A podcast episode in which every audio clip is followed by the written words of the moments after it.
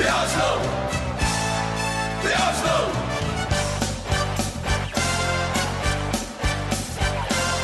Good old Oslo, we're proud to say that name.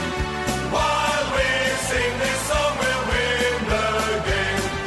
While we sing this song, we'll win the game. Velkomin í þriðja þátt á Hyper Ísland, íslenska Arsenal podcastinu og þannig að höldum áfram alltaf að minna við erum líka á Spotify, Soundcloud, Apple Podcast og er hægt að finna þáttir líka á arsenal.is ef þeir eru að leita hann og ég heiti Eithor Ég er Hilmar. Ég heiti Kristján.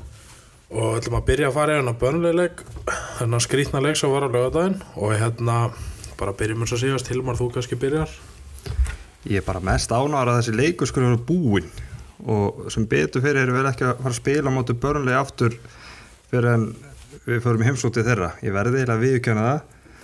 Maður á kannski ekki verið að tala eins og okkur dóni eða sko, en þetta er eiginlega bara skýta lið. Djúvöld fannst mér í leiðilegir bara á öllum stöðum og vellum. Það var ekkert annað í huga hjá þeim. En það verður bara að brjóta af sér vera pirrandi og og leiðilegir. Svo þegar þeir eru jöfnuðu þá fóru þeir strax í að tefja. Þú veist að setna okkur á alla byrjar þá voru þeir byrjar að tefja. Það líka þetta væli dæsetti leiki með leikar og skapa annað sem ég alveg fatt ekki en á saman tíma bombaði nýði baki á mönnum og annað.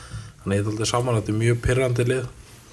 En eins pyrrandu þau voru þá voru við bara ekkert góður í fyrirháleik og þarna kom vandamáli sem var að síðast tímpla það er allir að tala með þurru miðverði og varta og varnamenn en eins og fyrirháleikur spilast þá stjórnaði börnlega leiknum stjórnaði allir pressu, neitt okkur í hluti sem við erum ekki góður í og við náðum einhvern veginn aldrei völdunum eða er ekkert að vera með boltan í 75%, 70, 75 til 80% af leiknum og samt einhvern veginn ekki stjórna leiknum. Að Börli var með okkur nákvæmlega sem við vildu og þetta var vandamál okkur í fyrra. Og hérna og þá náttúrulega er svakalega erfitt að verjast en að þeir stjórnaði hvar við stöndum og við erum að missa boltan annað en í setna áleik skána þetta til muna að klárlega, klárlega. En það var nú margt samt í leiknum. Það er ekki bara að vera væli yfir börnlegi og, og hvað gekk ekki vel. Það var náttúrulega einn leikmaður sem var geggjaður í leiknum og ef hann spilar eh, fleiri leiki, ef hann bara spilar heilt tímabil en svo spilaði það var að segja gær, leikunum ekki alveg gær en síðast leikur, þá við fljótur að glema Ramsey. Klálega Ég með, þú vant að tala um Danis það er bara akkur þann og hérna bara svo að Aslan minn viti að þá bara vitu að það er núna ó Danis Ceballos læð það hendar rosalega vel fyrir hann. Þannig að við þurfum ekkert að læra ný, nýja sönga. Þetta Nei, er bara nei. nýji kassola það bara, það er bara akkur þannig. Og það er bara gegja. Hann var, var náttúrulega alveg styrlaður í leik. Og, og líka gaman að sjá að þetta sé bara hann, hann fyrsti heimaleikur. Og ekki oft sem að sér svona performance í frá mönnum í fyrsta leik.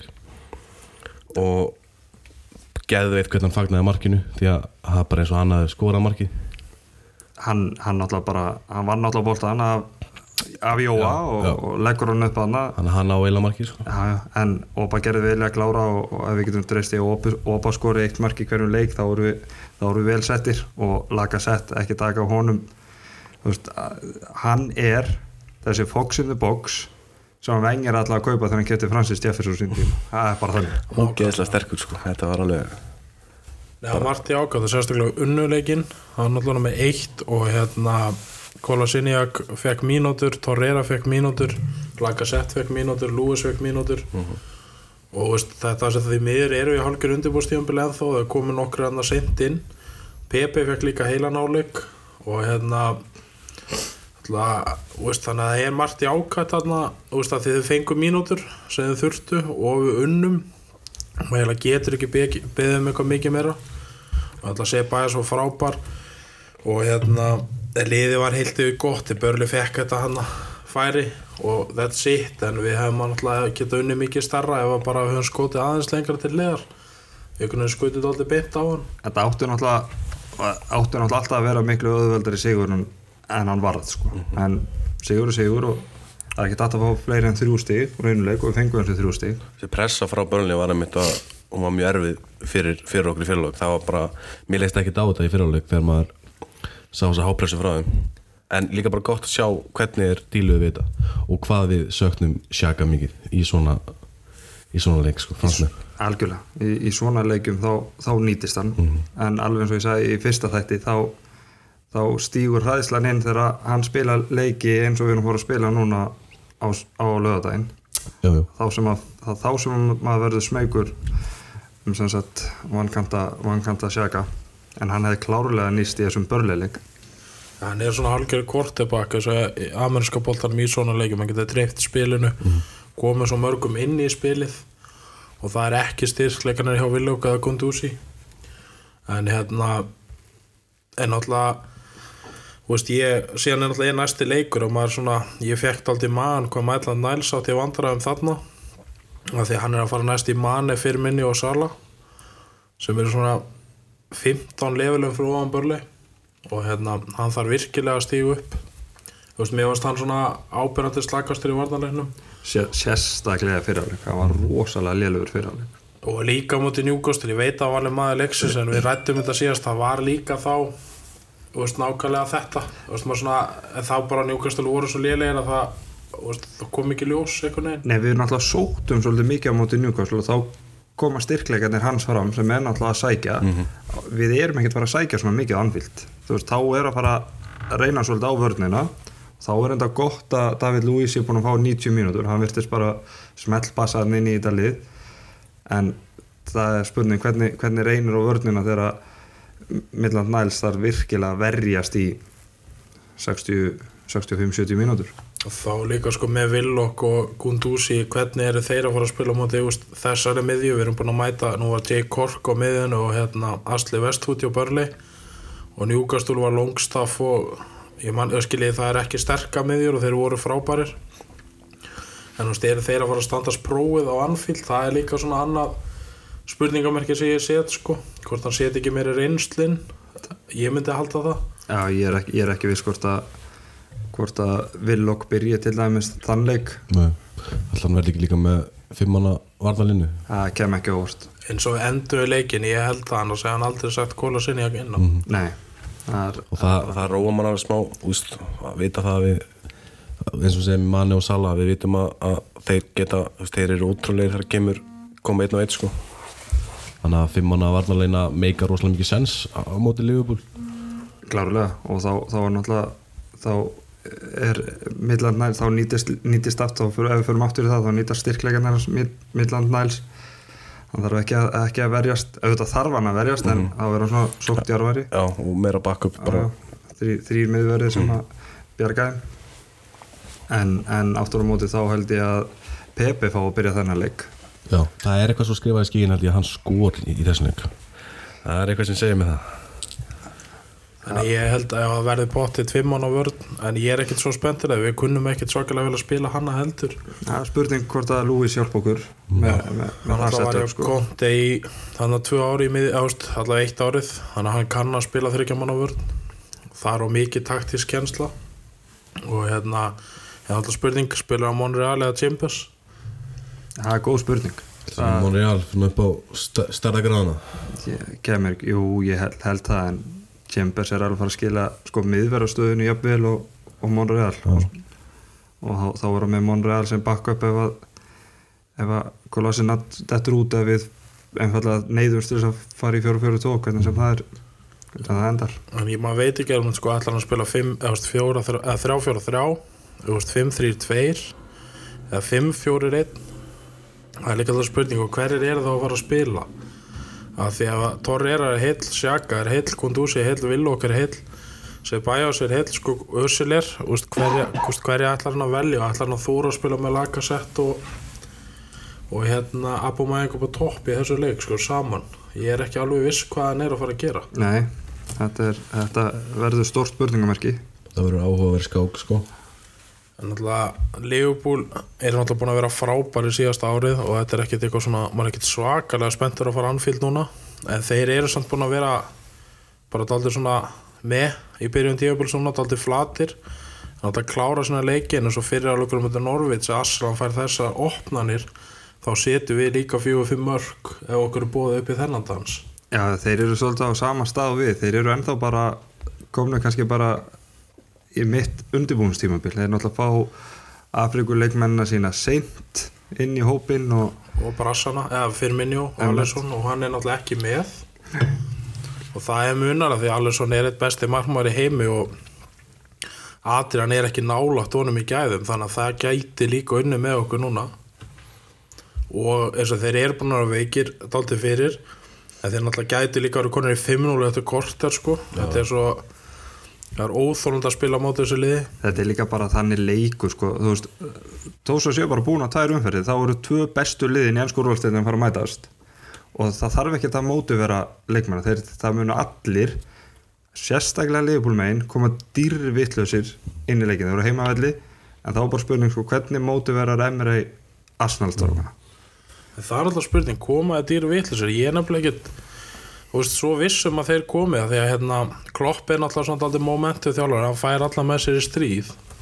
En undirbúðstempilinu var ræðilegt þeir hafa ekkert verið spesið byrjun en fengur náttúrulega Norvits og Sáðatón Chelsea leikunum var ekki hérna, samfærandi góðgerðarsköldur var alls ekki samfærandi þótt að menn er að reyna að segja að hann var jafn. Þá voru Leopold fínir setjanleika það getur 16 í hálfleik fyrir sitt í og hérna þannig að einhvað tækifæri á tímból að mæta um er það núna.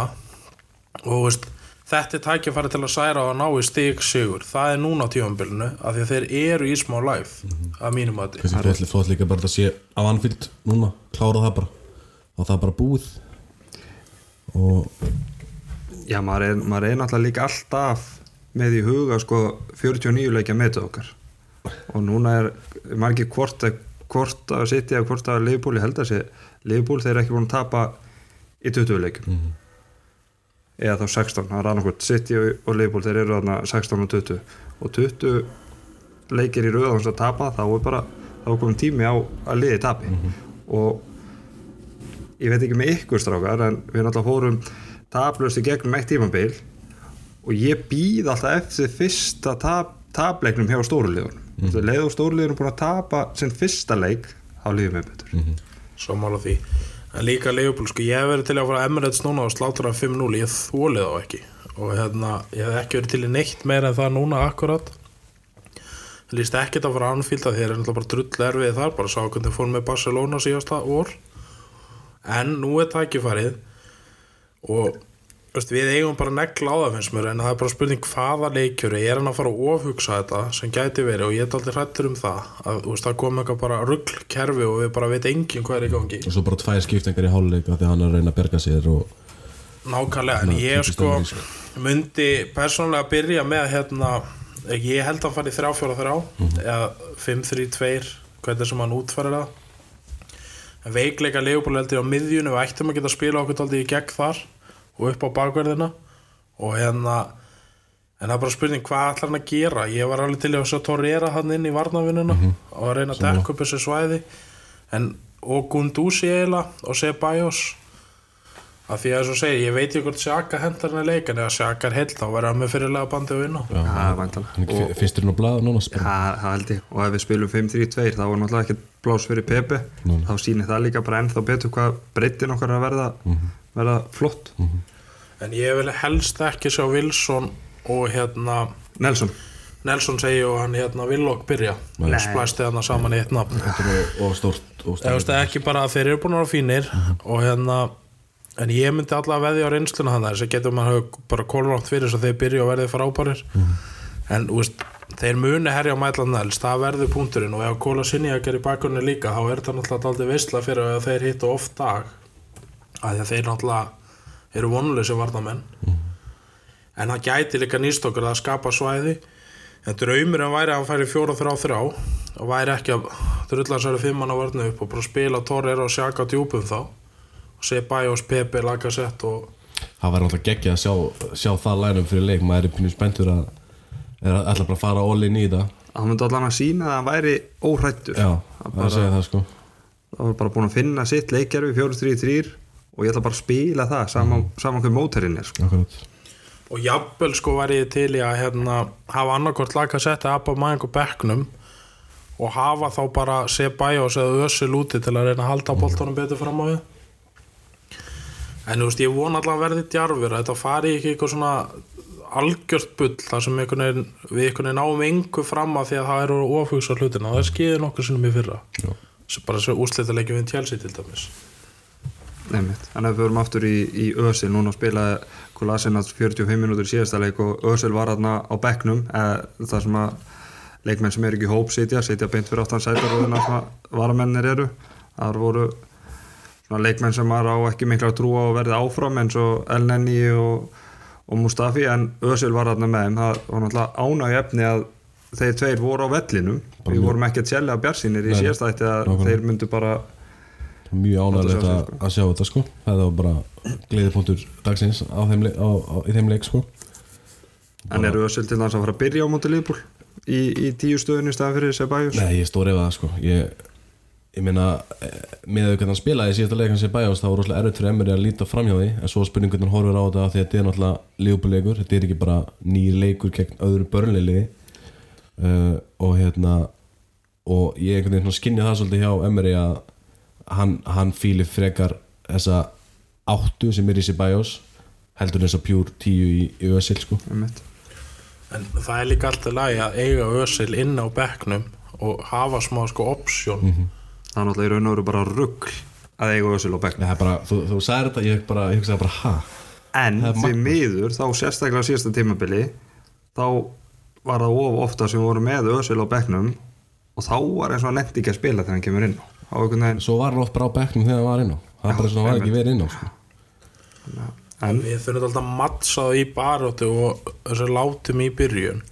Og það er náttúrulega líka mikilvægt að Lewis, Sokratis, Xhaka, Torreira, Gunduzi haldi haus og verði ekki að fá öll þessi spjöld. Mm -hmm. þeir eru hot þetta og hérna, úst, halda skipulagi og ná að halda þeim á núllunni daldið og fá skyndisóknir þá er möguleiki veist, en, hérna, ekki svo í fyrra við byrjum vel og sem bara valtar yfir okkur á tíu myndum sko. sko börnlega reyndu að berja okkur niður í leiknum en við erum bara komin með þannig hóp núna þannig karaktera reyndar er Sókrates náttúrulega bæri allt og mörg guðspjöld en Lewis, Sókrates eru ekki, þeir eru ekki að láta sko við erum ekki að tapa þessi návi eins mikið við vorum að gera fyrir einu, tveimur, þreimur árum. Og Sjaka, hann bomba menn niður að það er eitthvað bögg í gangi. Hann fær reynda mikið á spjöldum en það er samt ykkur svona tökkur í liðinu sem vanta árið á tímambili Klálega Ég meina þegar við vorum með Þú veist, Vilsja sem var náttúrulega alveg svona þannig típa en hann bara ekki nóg sterkur til að gera þetta. Svo töluðum í, hvað síðast þetta eitthvað, við vorum með, veist, menn eins og Danielsson og, og einhverja, alveg bara hálfgerða aumingja á miðinni Þannig að það er mjög mitt gott að, að sjá þetta núna sko. það sem ég líka að tala um sko að við mötsaðu bara við, veist, mótið þessi leikmennum er náttúrulega mjög eðvilt og guldspjöld og það er náttúrulega sama með Leifubúl og fyrir elda okkar menn. En þú veist, Sala manni þetta, ég skil vel að menn bara gefast upp á bombi og niður, en við megum heldur ekki fá raukt spjald út í eitthvað svona. En tímabilið byrja vel og ég held að við erum að fá Leifubúl á góðum tímapunkti og veist, það er líka aldrei mikilvægt að, veist, að við erum alltaf með í leiknum að veist, þetta verði ekki að síðast hvað var það, 5-1, 4-1 Já, þetta er bara, það búið að vera allt og mikið Ég þannig meina, anfíld ég meina Sagan segir að þessi leikur fara annarkvort 5-1, 4-1 fyrir Liverpool eða við náum einhverju 1-1 játtöfli það er bara hannig, við, þetta verður markarleikur þannig ég hvet allir til að horfa á leikin þetta verður 100% skemmtilegu leikur. En, en vonandi það er, líka, það, er, það er líka bara komin tími til þess að vinna á anfíld síðasti leikur sem við unnum þá það er fyrsti leikurinn hjá ekki fyrsti leikurinn heldur að ná fyrsta tímabilinu sem var Podolski og Kasorla eru. Og, 2012, fjólablaðu búningunum þeir skora sem fyrstu mörk fyrir okkur í, í þeim leik. Þú veist, við, þurfum, við þurfum annað svona það annan líka, svona leik. það sýnir líka bara hvað þessi völlur er erfur sko. þetta er alveg En okkar völlur er jafn erfir en segir bara að snúni er moment í fyrra náttúrulega fengur við ræðilega byrjun að fá City og Chelsea þegar þú veist það var allt í voli stjá okkur nýr þjálfari og hópurinn einhvern veginn ekki klár en núna eru við miklu klárari þú veist þjálfarinn er búin að vera í ár. Mm -hmm.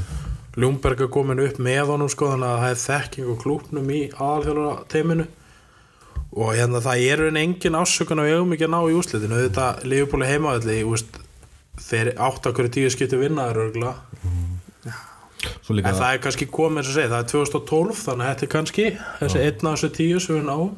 Það er líka alveg gaman að pæla í því að, að uh, veika sér staðan á vellinu með náttúrulega eins og nefndir á bakverðinir og við vitum að ef allt er eðlilegt þá eru okkar byrjunleis bakverðir ekki með. Við eigum þá inni. Bæði þá er ég að meina að Tyrinni kom inn í byrjunlið og svo Bellerín.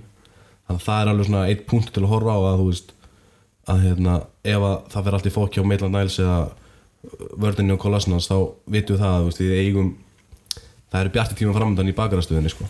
Já, já, og, og við hefum líka einn miðvör sem var náttúrulega bara búin að vera okkar besti leikmaður þegar meðist Old Trafford í fyrra. En þeir, er, hann ekki að fara að taka sinn síðasta æfingarleik núna fyrir bara jú, ég held að hann tók var það ekki hálfleik og svo 7, eh, 65 mínútur og svo á hann að taka 90 já, og það á að vera síðasta feysið því að hann komið bara í lið aftur. Algjörlega. Og við erum alltaf að tala um Rob Holding þannig að það sé alveg Já. En veist, þetta er samt, uh, veist, við verðum samt líka þú veist, ef við ætlum að verða stórklúpur aftur og þá er einmitt sko hefur undan að eitthvað meiðist, munið að Percy meiðist, þá áttu við bara ekki framherja. Og nú verðum við líka hætta þessu, nú verðum við líka bara að koma til alltaf hróka, eins og er ánað þennan emri með njúkastuleikin, hann tjáði þessu bara ekkert um Össul og Kólsson, þeir voru ekki hóp, skilur við. Við þurfum alltaf þetta attitút líka til að við getum ekki alltaf verið fórnalum og nota þetta fyrir leikina. akkurat Nei og það er alveg rétt og bekkur ná bara að vera þannig að það skipti einhver máli hver kemur af bekknum inn á liðið það á ekki að veikjast. Nei, en sko Leopold eru, úst, er, úst, þeir eru ekki búin að svolítið tilbaka og náttúrulega skiljilegt að menn hæpust upp eins og Van Dijk, hann bara besti varðan verið heimi í fyrra. Það er erfitt að koma með fókus en þú ert ekki búin að vera reysaleikmaður og hérna miðjan er að búin að vera slöpp og, hérna, og þetta hefur gerst hjá klopp áður eins og með Dortmundalið þeir fjallunar í síðasta tífambilöðans að því að þessi fótbolt er náttúrulega hann er ógeðslega skemmtileg en þetta er aldrei mikið sturlun sko. Og þeir eru með enga miðjumann sem hægir á spilinu eða veist, skilji, skiptur um tempo, það er bara eitt tempo það er bara rock'n'roll og ef það er komið smá þreita í mannskapin þá er, er ekkert plan B, þeir eru ekki með öðru sem miðjumann. Næsti miðjumann er örugglega Osli Chamberlain og hann er alveg og hinnir þannig að þú veist er svona, ég er að vona innilega að þetta byrja að feita því eins og ég sagði hann, ég þólega það ekki. Og þetta, já, var vænt um að þeir myndi bara endi í svona 15 seti, en það, ég sé það nú kannski ekki gerast. En ég er svona þú veist, ég er að vona að hafa byrjað svona leka undan þeim núna. Að við, þú veist, allavega, við, við verðum að ná í stig þarna finnst mér ef, þú veist, ætlum að gera okkur svona gildandi í þessu. Það er óskandi, óskandi, óskandi þetta að það sé allt á leiðinni niður hjá Liverpool. Að þú ert ekki svo eini sem að þólur ekki Liverpool í þessu herbyggi, það er bara þannig en það er kannski óskikja en ég er að segja, þú veist, mér finnst núna þú veist, nú er tími til að ná í úrslit og ég vona að við komum með róka inn í leikindaldi það getur eiginlega ekki farið í fyrra. Nei, nei. og ef við töpum 6-1 þá er náttúrulega bara eitthvað mikið aðskili það er í fyrra. Sér, það fær alltaf hliðin og hérna en þú veist, ég vil miklu frekar þú veist, að við, þú veist, ef við töpum 4-3 og förum all inn í helvitis leikin þá er alltaf er maður alltaf svona, ok, við reyndum alltaf. Já, fyrra var tilfinningi bara, þú veist, wow og það er bara búið að vera það er búið að vera svona síðustu fjögur, fimm ár allt og margir leikir á hverju tímabili þar sem að við einfallega mætum ekki. Veist, á Stamford Bridge þú veist, þegar við skítöpum þar við erum, að, þú veist, við erum að taka einn og einn leik á hverju einasta tímabili þar sem við þú veist, skítöpum töpum og lítum út eins og lið sem er í fallbárat þú veist, Arsenal sem ætla sér að komast aftur í mestaradil það á ekkert að tapa starra það sko, þá bara aldrei að fá sér þrjúmörkuleik hvað þá fjögur eða fimm? Já, nákvæmlega og mér finnst sko núna kannski jákvæmt að við erum að fá okkur eitt mark í fyrstu töðinleikjun og hérna eitt þarna mark á börli og þess að erum við sömu vartalinni eða bestu vartamennina þetta við alltaf háða okkur einn meiðist þá eru bara þrjú mörk leikin eftir. Þannig að það er alltaf virkar aðeins svona þéttari hópurinn og, og er náttúrulega konum með miklu betri markmann en byrjaði tífambilið fyrra. Klálega Já, það er kannski gott hún nefndi, nefndi markmanni Hvernig finnst ykkur svona bara Leno yfir höfuð bara búin að vera og bara svona upp á næstu ár?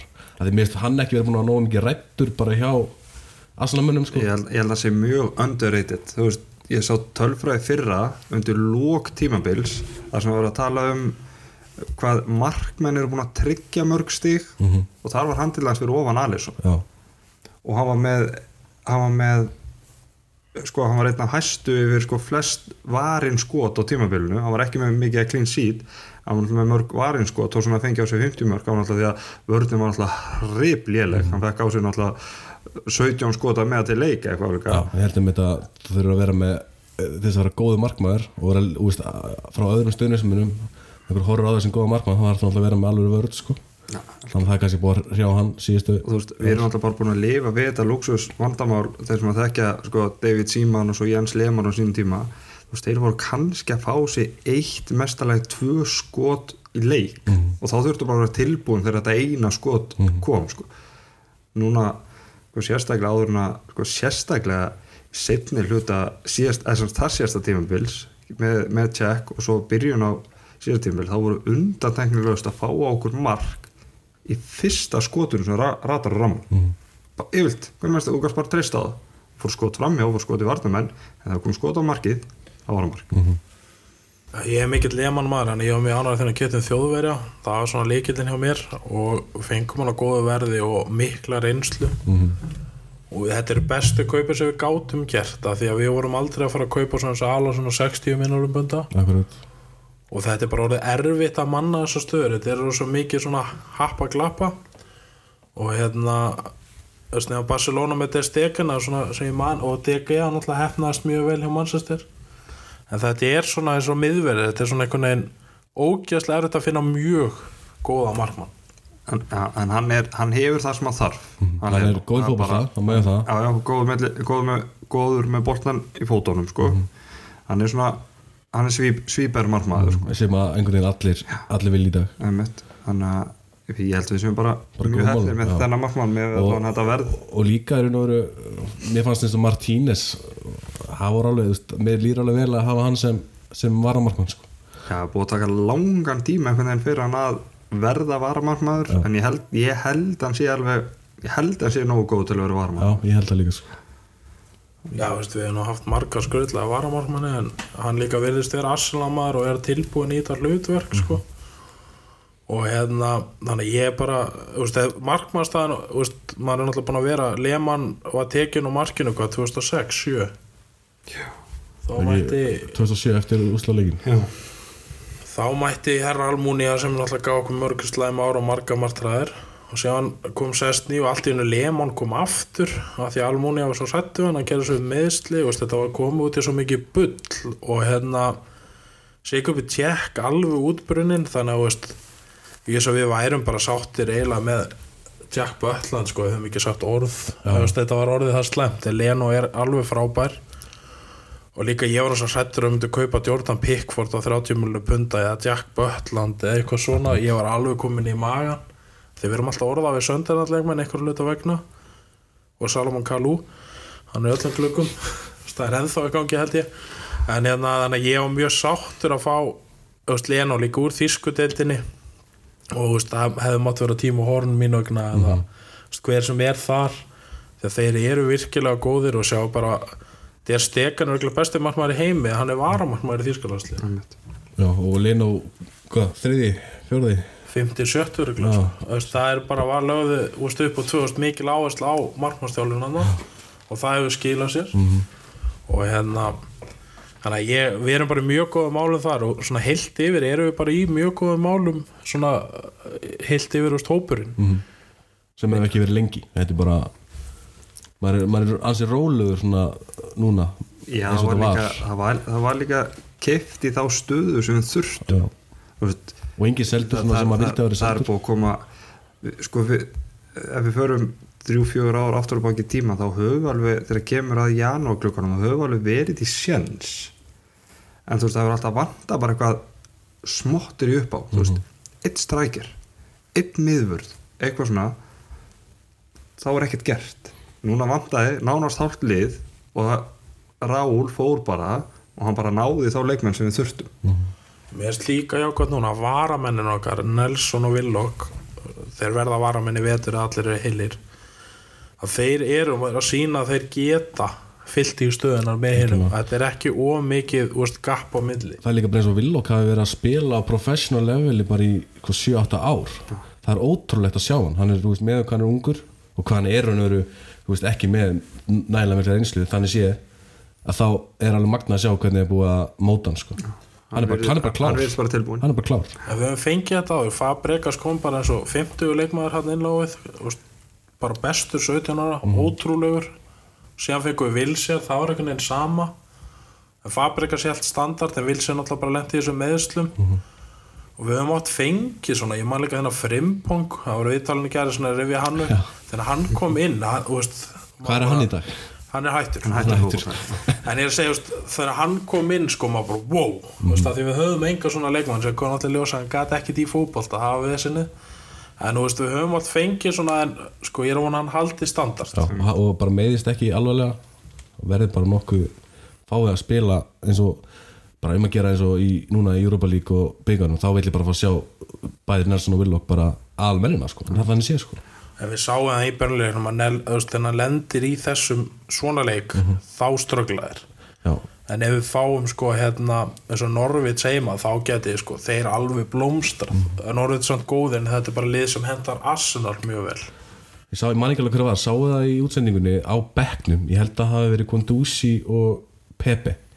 Að, þeir voru nú að tala um þennan börnileg bolta hann er Já, já, Já, já. skildi ekkert hvað var í og gangi maður sko. sá bara handarhefingu og hann bara, þeir eru bara í því að sparka bara hátt fram, bara, hátt fram bara búm búm búm hana, þetta dæmi, mér varst þetta Já, magna Mikki Tarjan Já, líka, já, við eigum líka Mikki Tarjan Já. og þótt maður er ekkit aðdáðandi en þá er helviti gott að hann er fínt að hafa hann rotation sko. Sko, sko þessi ungu leikmenn sér frá því hvernig mikið Darja er búin að standa sig í Arsenal þá er það náttúrulega bara markvældur landsveismadur og með mikla reynslu. Þessi ung, ungu leikmenn þeir þurfa að hafa þetta. Þeir þurfa að hafa reynda eldri leikmenn sem koma þeim upp í gegnum þennan fyrsta þröskul. Að Algjörlega. komast yfir fyrstu leikina og fá bara þessa þessar mínútur og, og að því að mikið, mikið þeirra getur alveg kent og sínt sko. þó svo hann sín ekki nógu mikið að okkar mati inn á vellinu gott að balansa um eitt, vera með unga ekki bara unga og vera með einmitt þessa, þessa stóru og búa til eitthvað svona smá balans. Eins og með Lewis, að vera með Lewis núna úst, jafnvel þegar að segjum bara að Sókrates myndi meiðast eða eitthvað þetta á liðinu. Rob Holding kemur inn með Lewis þá allan að úst, maður, maður veit það ok, Lewis og Rob Holding er að fara að vera hann er að fara að vera hans tútor skiljum En síðan alltaf með Rob Holding að bara svo vona að hann komi tilbaka góður en það er ekkert víst að því við höfum hort á þetta áður og við fengum að horfa á svistnesku bræðunar Sendur og Djúru koma mjög sterka inn í byrjun og maður var alveg bara wow, Sendur og þetta er bara en síðan einhvern veginn bara fór sjálfstöðsti og það endaði svo það fór í honum kall greinu og maður vorkið, þú veist, maður sá bara svona grátin og hann koðnaði bara undan pressunni. Og Djúru var síðan bara aldrei nógu góður en hefur náttúrulega átt mjög góðan feril samt.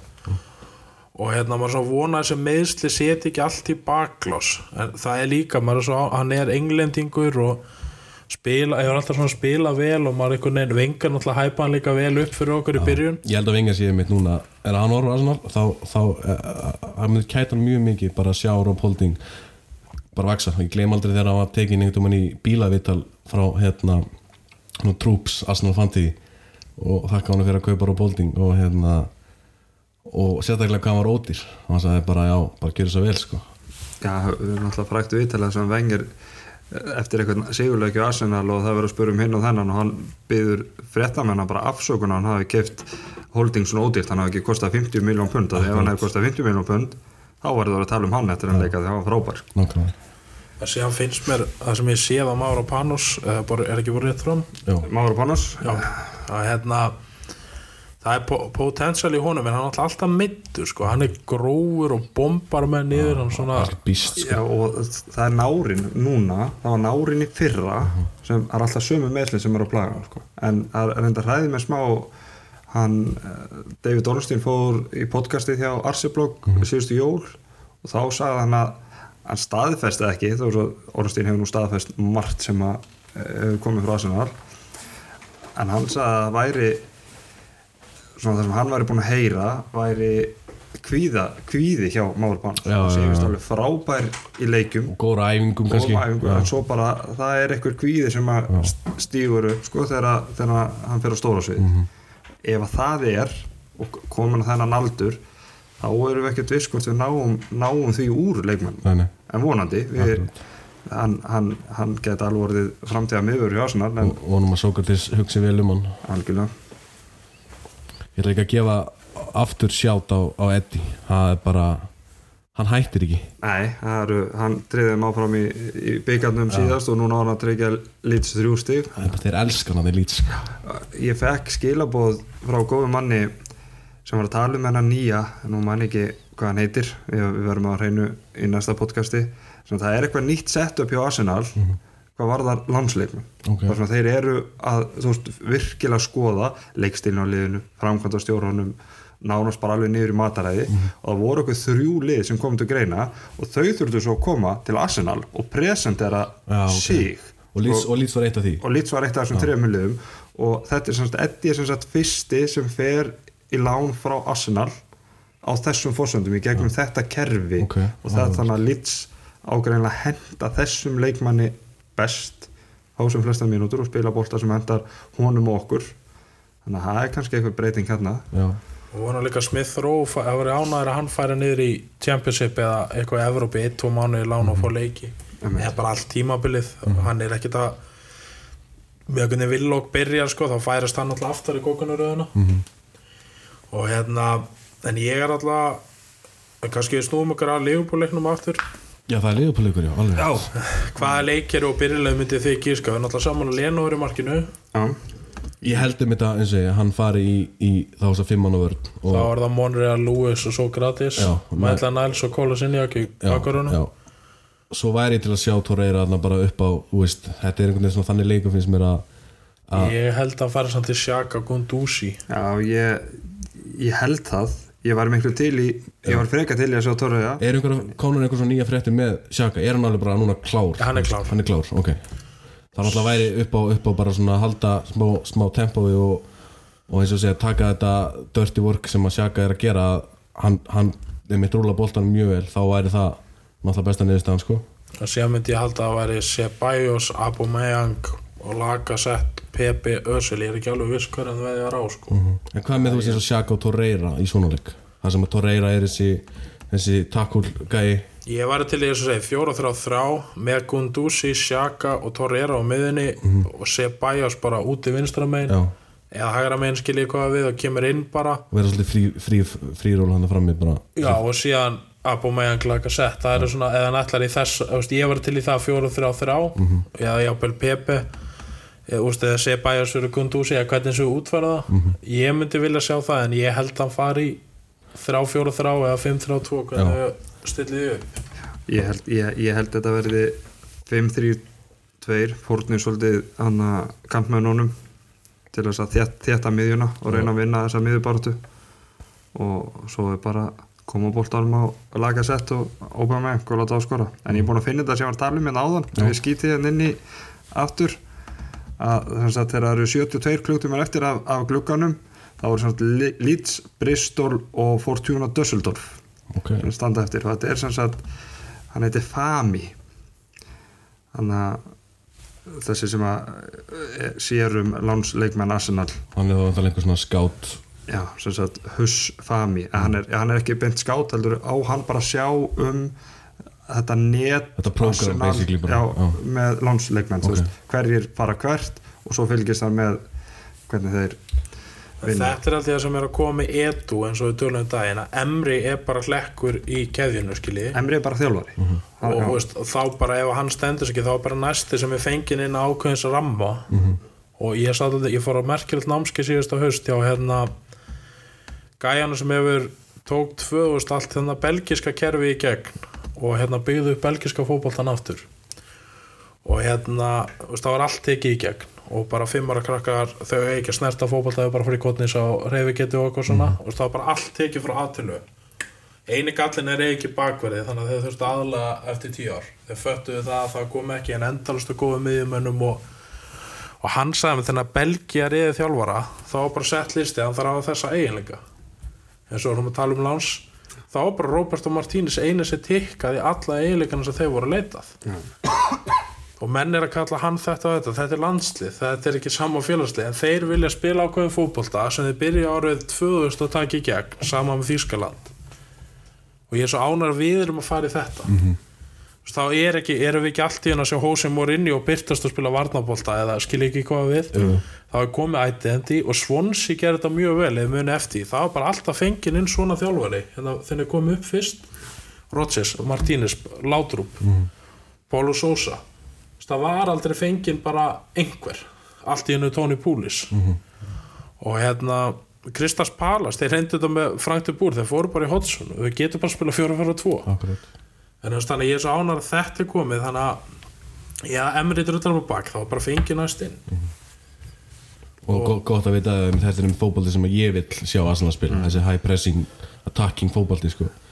og ef að við leikum einhverjum mörgum minn, það er bara fæn þá bara, við erum bara að skora meira skilur. Já, filosóf, filosófi hann að skora meira en anstæðingur er alltaf, alltaf skemmtilega heldur en að sko. ekki fá sér mark og sjá svo til hvað gerist að ég er hérna alla það er svona smá bjart mig núna í fyrsta skipti, held ég bara í mörg ár fyrir þennan leik.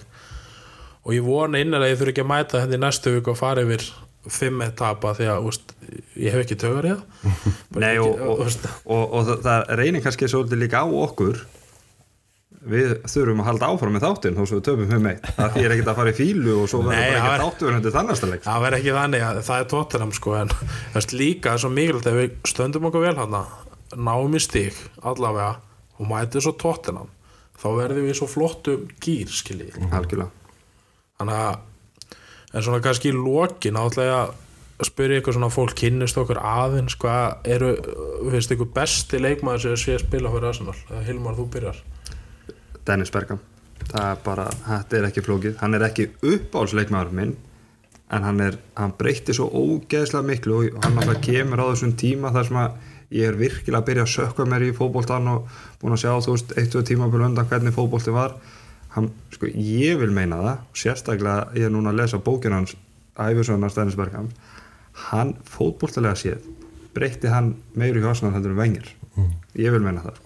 Sko, fyrir mitt leiti, ég er náttúrulega aðeins yngri en því og hérna, ég byrjaði að horfa á Arsenal þegar sko, og þegar Henry var svona, þú veist, al, algæin og, og, og ég er rauninni náði svolítið svona setnipartunum af hans ferðli á Arsenal. En þegar ég hugsa þetta svona mjög djúft, sko, að þá finnst mér og ég veit að þetta, er- þetta er mjög svona hérna, þetta er mjög skrítið svar en Alexis Sanchez er líklega sá gæi sem, ég, sem, sem ég hef sé koma til liðsins veist, frá, frá öðru liði frá Atilu spila fyrir Arsenal. Og ég veit að þetta hljóma fáránlega og eflust margir United menna sko, hann er náttúrulega bara og var ógeðslega góð Hann var- ekki, hann hljómar ekkert hórlut við hann var geðveikur og ég bara, ég skil ekki hvað gerðist með hann að, þar að segja þegar hann fótt í United. En ég held að þetta er þá klálega Henry hann er, ég sá alme, aldrei almennilega Dennis Bergam nefnum bara á einhverjum svona klippum eftir á. Bróðum minn átti hérna Vaff og S-up af öllum mörkunum hjá Bergkamp og Henry. Þannig ég, ég man ég gluggaði bara það en, en sá það aldrei live þannig séð þannig að ég ætla að segja bara Sanchez sko. Sanchez er besti Arsenal sem ég sé spila. Og, uh, og hérna og Henry, Henry er svona þarna með honum einhvern veginn. Ég er sko Bergkamp er upp á sleikmann minn allra tíma.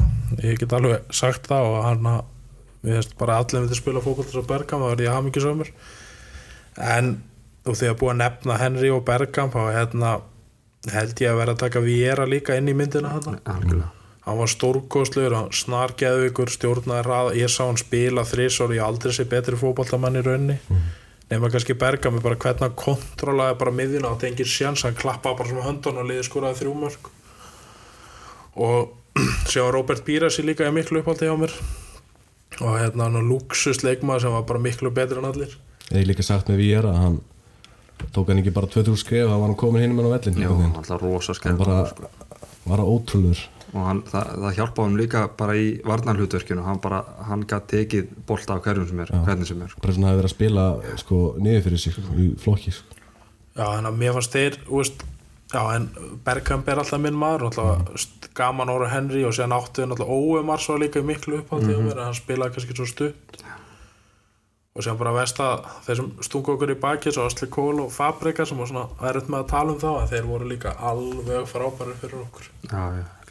En önnur svona tilfinningalega séð. Nú er nú hefur komið það kannski kannski erfiðara í dag að því í dag er, eru fjölmælanir ímest með upplýsingar eða ekki en hafið ekkert um hann fengið svona því líka þvílitt góða tilfinningu þegar einhver leikmar hefur verið keftur þegar bara þú veist það kemur frétt, Arsenal var að kaupa þennan leikmann og maður bara svona shit. Ég er með gott svarið þessu. Ég gleymi einum aldrei þegar sem að hérna, ég hef búin að vera að horfa á hérna, transfer eh, hérna, deadline day á hérna, Sky Sports. Á það var ekkert að gerast.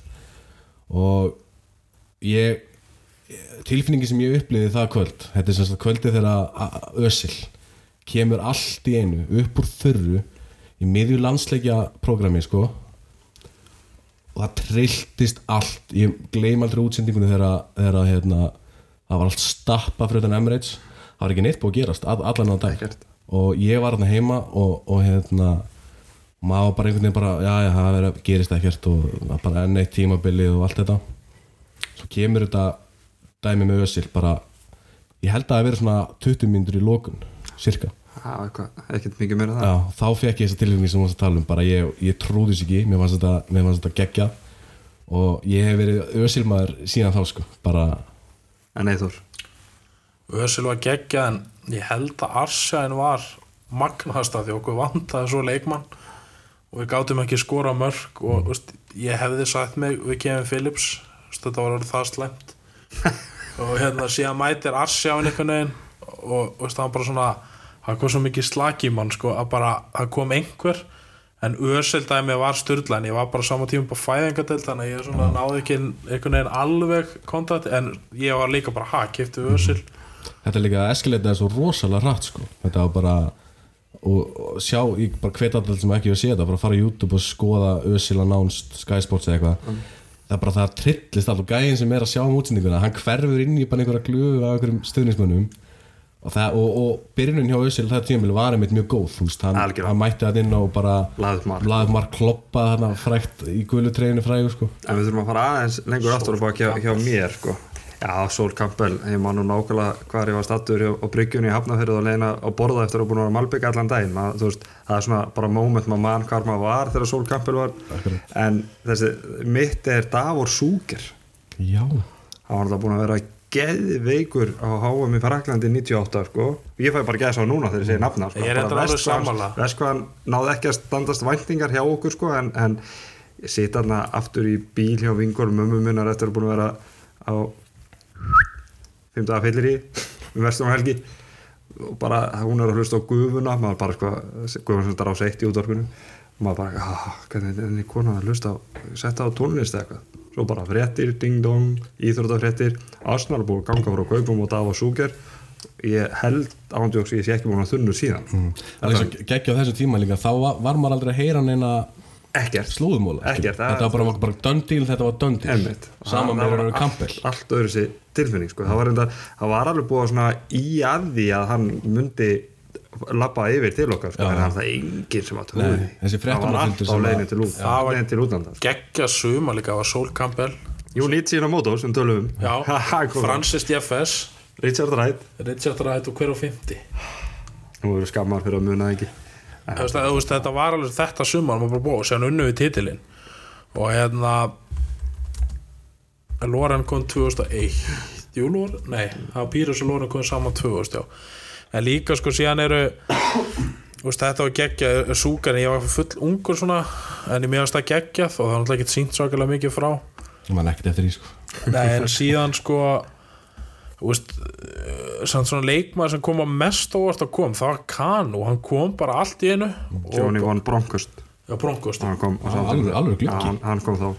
Og líka hann að Kanu kom. Kom hann ekki bara miðjan vetur allt í einu? Og var bestur í liðinu, skoraði með hælnum og, veist, og fýblaði markmann og lappaði með boltaninn í marki Já, já, Kanu og þá var ég um tíu ára veist, Kanu var bara, þetta var stórkustlæsta sem hefði komið fyrir mann. En síðan var Inter sko brjálar að vengar stalunum þeir vissi ekki að hann var svona góður. Og veist, þetta var bara býtið hvaðan kom hann það var líka eitt svona.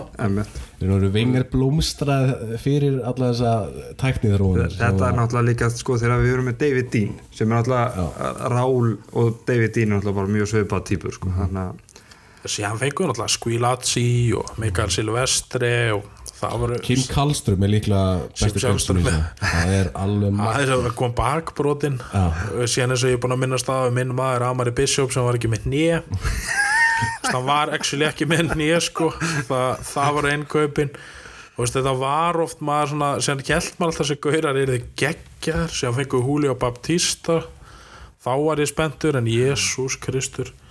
Veist, þetta var hann var alltaf að reyna því að peningalessunni þetta var oft svo langt og maður, maður líka bara trúði alltaf hann er næsti demantur Ég þetta er næsti demantur þegar Kim Karlsson kom ég er ekki að tjóka, maður fer einhvern veginn svo maður er svo vitleis, maður fer alltaf í einhvern svona gýr já, það er kannski eitthvað annað. Já, maður alveg- svona Já, vittleysu fyrir já, sjálfum það sko. var reynda frábært fyrir sem spiluði Champions of Manchester 2001-2002 sem Sjálfstorm fegst á 800k sko Já. frá Hakken og var frábær. Og hérna en þetta var svo skrítið líka þetta, þetta var orðið svona, þetta var orðið svo súr Já. Hann á eina mómenti sem ég man eftir honum var, var þannig að kláraði vít, vítakeppnina í, í er ekki. Hann, var, hann, hann gerði sitt. Gerði hann meira en Suárez hérna, ég sé að var þetta Kristóð Reva líka hérna um árið. Já, hann gerði nú sitt sko, hann sko. hjálpa okkur að það og hérna, sé líka þannig ég las æfisögu vingur ykkur á bók þannig að það var sagt að við hefum getið fengið Pavel Nedved í skiptu fyrir Anelka.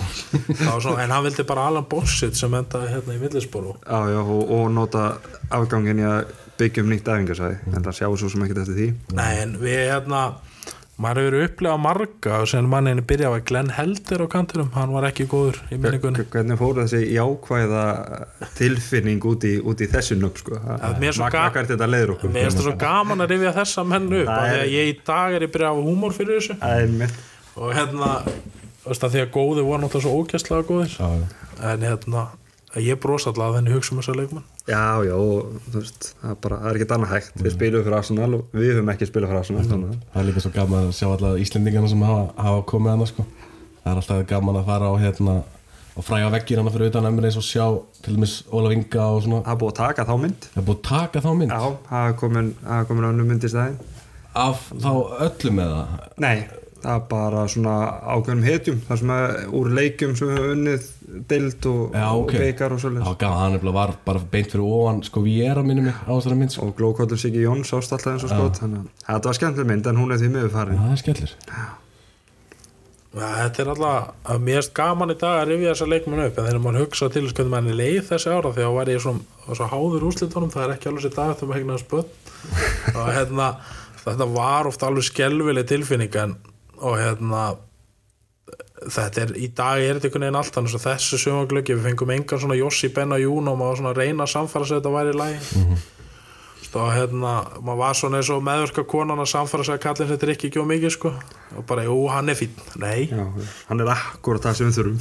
Já, en hérna, sáuðu þið, það var núna bara Ornstein viðtal við Joss bara í gæra fyrir þetta, voru búin að sjá það Nei, ég var ekki Ég var að rétt hans búin að lesa punktana Mér varst mjög áhugavert svona að, að rýna þessi það og það einhvern veginn að- hann talaði, þetta var svona basically part 2 af e, fyrsta viðtalinu frá honum. Og núna eða eftir þess þetta viðtal fóru fjölumila svona aðeins að, að rýna í orðin hans og, og, og pæla hans í þessu. Og það virðist eins og að sko núna bara í janúar munum við halda áfram. Og það er einhverjur, einhverjar fréttir að segja sko að, að þeir hafi injecta pening í fyrsta skipti núna í einhver x ár í, inn í klubin, það er ekkert náttúrulega staðfest og verður kannski ekkert staðfest. Og, og það er náttúrulega ekki til að þetta, þetta hjálpar alveg svona momentumunu í, hjá stuðnismönnum og ég held að segja að gera droslega vel að fá stuðnismenn on board með þessum viðtölum sko. Já, já, Joss, sko, hann má náttúrulega eiga það í fyrra þegar þeir eru að ganga frá kaupunum að eignast Arsenal að fullu þó svo að tekið náttúrulega langan tíma að fá þessi litlu bréf sem eru á stangli hér og þar sko, náttúrulega margir svona mjög óvanar það er ákveðna reglu bara þú er komin yfir ykkur 97% eitthvað þá bara verður að selja þinn hluta þannig að hvort það er jákvæmt eða neikvæmt en þegar þetta allt er að fara að stað þá flytur Joss til London. Hann er bara búin að vera í London í kringum liðið, í kringum æfingar kynna sér menningu, þetta er náttúrulega menn sem koma frá bandaríkjum, það ekki ekki alveg breska boltan en hann er svo sannlega búin að kynna sér menningu og hefðir Arsenal og, og, og ja, bara jákvæmt að hann sé búin að koma núna tvisvæstum og stuttum tíma í viðtal með að pappa hans náttúrulega let aldrei heyri í sig Akkurat, og verðist verið eins og hann sé einhvern veginn núna að vera, hann einhvern veginn á að vera að sjá svolítið um Arsenal finnst manni. Í þessu, hérna organisationi sem að he- heitir hvað aftur, Kronk, hvað heitir þetta aftur? KSC Já, já, fyrirtæki hans.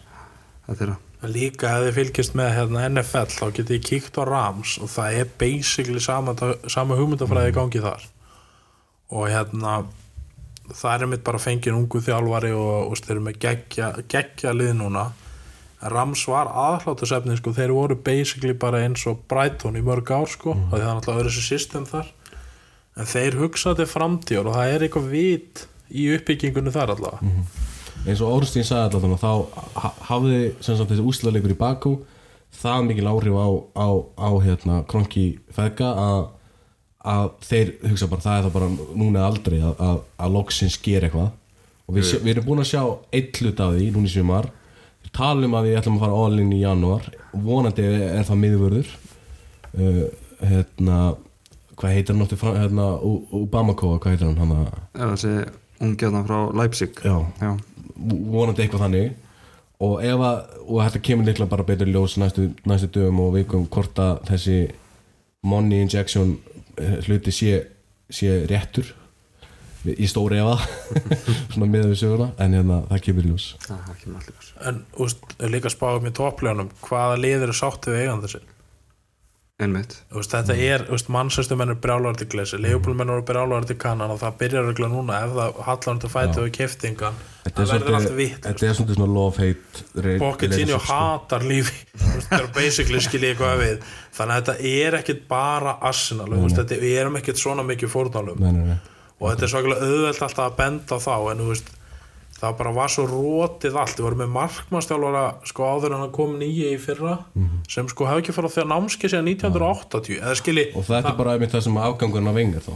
Hann vantalega eða bara breska kultunum og vengar skilji, þetta er ekki bara vengar vengar á að hafa yfirmenn sem segja stopp. Já. það er líka var gallin Já, og, og sko Wenger náttúrulega kemur sér í þá þægilegu stöðu að hann á þátt í að ráða þá sem er yfir menn hans. Sem er náttúrulega alveg klórlust algjörlega. Það sko. Þannig en það eru, það er eins og Eithor búin að segja nokkur sunnum, það eru bjartir tíma framöndan og við erum bjart sínir og það er búið að breyta struktúrnum, þetta manager hugtaki er náttúrulega dáið þar sem að sami maður sem að þjálfar og skipilegur hver og kaupa hvað og semur við núverandi og þáverandi og fyrirverandi leikmenn og, og veist, þetta er bara, þetta er bara orðið það stórt batteri núna, núna er bara Edu sér um þessi mál, Rál sér um þessi mál Vindjæ sér um þessi mál, Hús sér um lána mál og Emri er bara þjálfari hann er bara þjálfari. Og hann sagði líka þetta, ég var að lesa viðtálu Emri, að þeir væri fjórir sem spáði í taktíkin á byrjarliðinu. Það er sérst Emri aðstofamann hann að spánverðin sem klikkaði. Ég man ekki nafnið á honum. Ég man ekki að þetta heldur, síðan Ljúmberg og síðan var einn held í data analysi Já, þeir líka en ég held líka að Ljúmberg sko, hann mun segja bara sína skoðun. Ég er svo að vona að hann hristi upp í hlutunum Hann alltaf hefur miklu þekkingu á ungu, ungu strákum Já, hann líka er bara, er, úst, hann er ekkert að fara að þegja, þú veist, þeir sjáu það bara á honum. maður sá líka bara það svona behind the scene vídeo sem að Arsenal Media var að setja í loftið þar sem að langt 12 mínútur skemmt að horfa á að sína svona rétt áður á stemningin fyrir að myndast fyrir utan völl, hvernig stemningin er svo þegar leikmennir koma inn á völlin og svo síndur mörkin og fagnarlæti úr stúkunni eftir leik þá var Ljungberg inn í annar tönnulinu göngurum og að knúsa og faðma hvernig einasta leikmann sem hann kom Það var bara geggjað að sjá. og. En Hvernig munum við sjá Wenger mæta? Ég vil fá að sjá hann í sjónarfinu eins og með Ferguson Hann á að fara, mér vil- vil fara að sjá hann mæta á leik Já, hann, hann má alveg fara að kíkja en maður veit náttúrulega ekkert hvernig það endaði sko. maður veit ekki alveg hvernig kemistri hann er hann á milli sko. Hann er svo mikið fagmaður að hann er aldrei sagt slæma hlut, það er. Og þú veist, hann var, hann var rekin held ég, af því að hann var ekki sátt yfir þessa niðurstöðu. Og hérna, en hann einhvern veginn, og eða skoði myndbandina Emri gaf sér þessar lapp með hann, þá sést vengar alltaf svona bakvið, svona, sést í hann, alltaf, þannig að hann var með í þessu, sko. Og þetta er hann bara sár, þetta voru 22 ár, hann gerði bara besta liði sögu Englands, eh, eða svona, við fórum að tapla sér ekki tíðanbili, en alltaf þetta debata um þetta. Þetta er bara baddið hans líka. Hann bara, Og hann einhvern veginn, já, þetta er bara svo held ég eignast batn og, og það er potensial að og ná langt í lífinu en einhvern veginn. Og hann alltaf náði aldrei fara markmiðinu, vitlis að sko. braut í lífinu í hann ætlaði sér að vinna mestaritildina sem náttúrulega nægir ekki sko. þannig að það situr auðvitað líka í honum að hafa ekki náð þessu, þessu stóra markmiði svo þrjósku líka Hann átti bara að hætta eftir FA Cup sigurinn Já, já, það, við getum Við getum farið- að segja þú heldur með lífinu hann er þetta, það er ekkert bara ég ætla að bakka þú ert líka með keppniskap og sko. en setupi var bara vitlust hann réð og miklu og þetta var því miður bara eina niðurstaðan sko. En árum hættum, maður þá segja eina sögu með? um, um, um Arsenal svona að þú sagðir data analyzerin eða video analyzerin áðan. Emre kemur með inn í Arsenal með svona setup sem að er hjá PSG og þið vildum ekki segja hvað fleiri liðum en hann reyndar sagði ekki hjá PSG hann sagði að það væru fjögur að fimm lið í Evrópu sem væru með þetta setup. Og Emre er náttúrulega þá nýkomin frá PSG þannig að maður ímynda sér að, að þetta setup kostaði ykkur 70 miljón punda. Það er sem búið að fjölga þetta er sem fyrir síðasta tímabil búið að fjölga myndavélunum gríðarlega á Emirates. Og teknar mynd, það er teknar leikunum tekinu upp sko öllum frá hliðalínum og að ofan, þú veist, beint niður. Þannig að á, á tveimur sólarringum eftir að Arsenal búið að spila heimaleik þá eru þau búin að setja leikin upp í þrývitt svo getur bara leik, leikmann sett á sig gleru Monreal getur bara sett á sig glerun og þá getur mann hort á leikin aftur bæði úr sínum augum og svo getur hann farið í Sókrates sem hann er hliðan á og sé hvernig Sókrates sá hann. Og sá sem sagt séð hvernig þarna akkur Sókrates reyði þessu svona þegar Monreal fór í þess átt.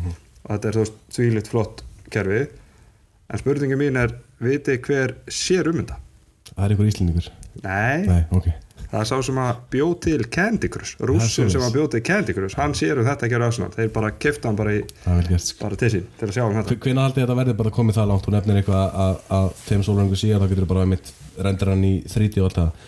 Að við finnum bara að sjá einhvers konar sko, og kannski er að komi, ég veit það ekki. Einhvers konar gerfugrind með það að bara að það er bara einhver, einhver vél á tölva sem að sér bara ok, Monreal, þessi hér var röng af því að þetta hefði gerst og þeir geta sýnt þér þá þú veist, rétta mómentið, vittlösa mómentið aftur, fattu ykkur að fara með þetta? Bara að, vísindin eru komið það mikið inn í boltan að, að þjálfarinnir eru kannski meira bara svona góðir hérna, leitúar, bara eins og leitúar í fyrirtækjum skilur, og eru bara fýtaðir endalust af svona hlutum.